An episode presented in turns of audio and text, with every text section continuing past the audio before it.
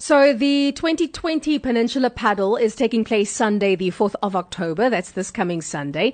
It's an event that was started in the year 2010 by Dr. Kevin Winter of the Future Water Institute at UCT. So this morning we have him on the line and we're going to be chatting to him. He is the founder as well of Peninsula Paddle, just to find out a little bit more about why this event is so important. Uh, good morning, Kevin. Welcome to the On Bait Show. Well, good morning. Thank you very much. Kevin, can you tell us how long has the event been running for and what actually led to this becoming an actual event? Yeah, I think that uh, it's certainly running for 10 years, and every year, around about mid year, when we've got some water in the waterways after the rainfall, we've been paddling uh, in the uh, waterways. And the idea is to paddle from Muizenberg right the way through to Milnerton on the other side. There's a little section where we can't actually paddle, mm. so we have to sort of jump that with uh, uh, transporting the, the, the, kayaks over that little watershed um, where there is no waterways or canals for us to traverse. Mm. Um, it started very simply uh, in an idea which four of us had in trying to understand, first of all, could we do that? Could we paddle from Muizenberg right through to Milnerton? That was the first challenge. But the second and really important one, too, was to get across the message that the health of the city is seen in its waterways. And mm. what that really means is that the waterways are almost like the bucket, the rubbish bin of uh, our city. And everything that happens in terms of our waste and our foul water finds its way, if it's not going to a sewer, finds its way into these waterways. And so that we wanted to highlight from the very beginning.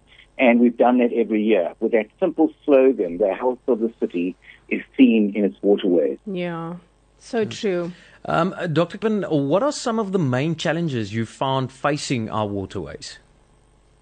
Yeah, well, there are lots of these. And I think, um, first of all, there are uh, literally hundreds of households that are across the city uh, living in conditions that are unlivable mm. and they're facing or are right next to waterways. So be those canals or uh, rivers or wetlands that really are impossible to live and dangerous to live. So that's the first really important message that actually there's a lot of people who are suffering by waterways and they'd actually quite like to see those waterways get real mm. because they seems to serve no purpose to, for them.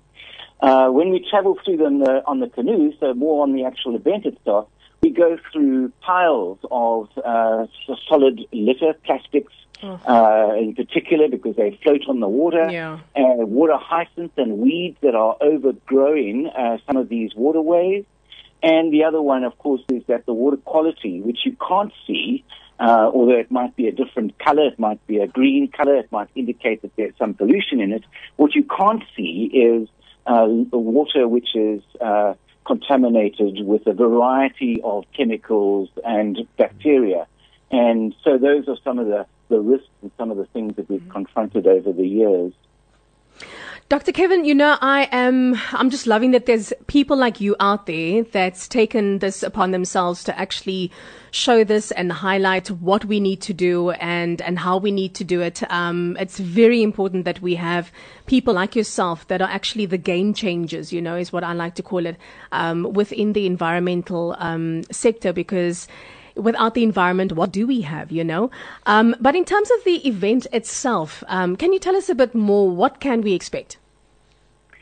Yeah, so, and I think it's a very important point you've just raised right now. Fortunately, it's not just me, and there are plenty of others. So on the day, there are at least four groups who are regularly involved in cleaning up uh, rivers and coastline, and there are plenty more, but they will be showcased in the course of the day. We're making a, con- uh, a documentary, in fact, mm. of the paddle, and we'll be talking to at least four of those very dedicated citizen groups that are so active and do this cleaning up of those rivers regularly. So that's one of the things I want to highlight, and the fact that there are so many positive citizens out there who are really concerned about what they've seen and what they confront. And of course, if you're sitting in your armchair right now listening to this and thinking, oh, well, you know, mm. I, it, it, can't be that bad.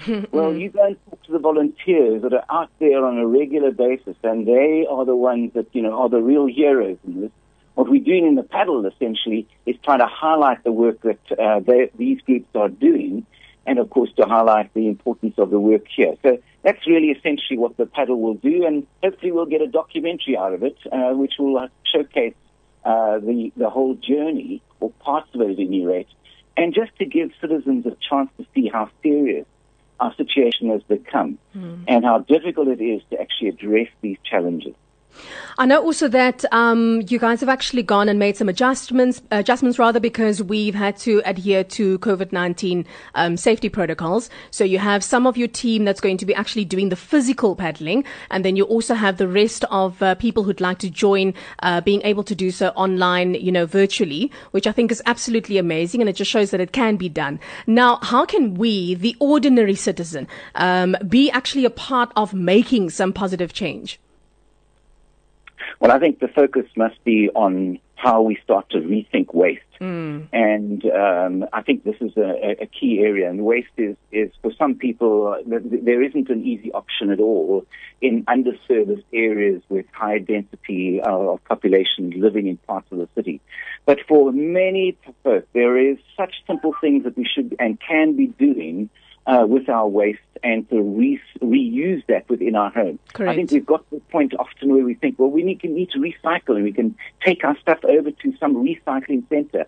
That sort of relieves the guilt, but it actually doesn't really address uh, the issue of our, our gr- growing concern in our habits and behavior mm-hmm. around how we work with waste. We should really have households increasingly uh, saying we are zero waste uh, generators. Oh, yes. We shouldn't be generating waste. In fact, we shouldn't be talking about waste, but rather about resources. So that's a bit of a long lecture, but essentially, if we got to the idea of saying mm. zero waste, uh, we would be seen in our rivers a great improvement if that was the attitude that uh, broadly was accepted across the city.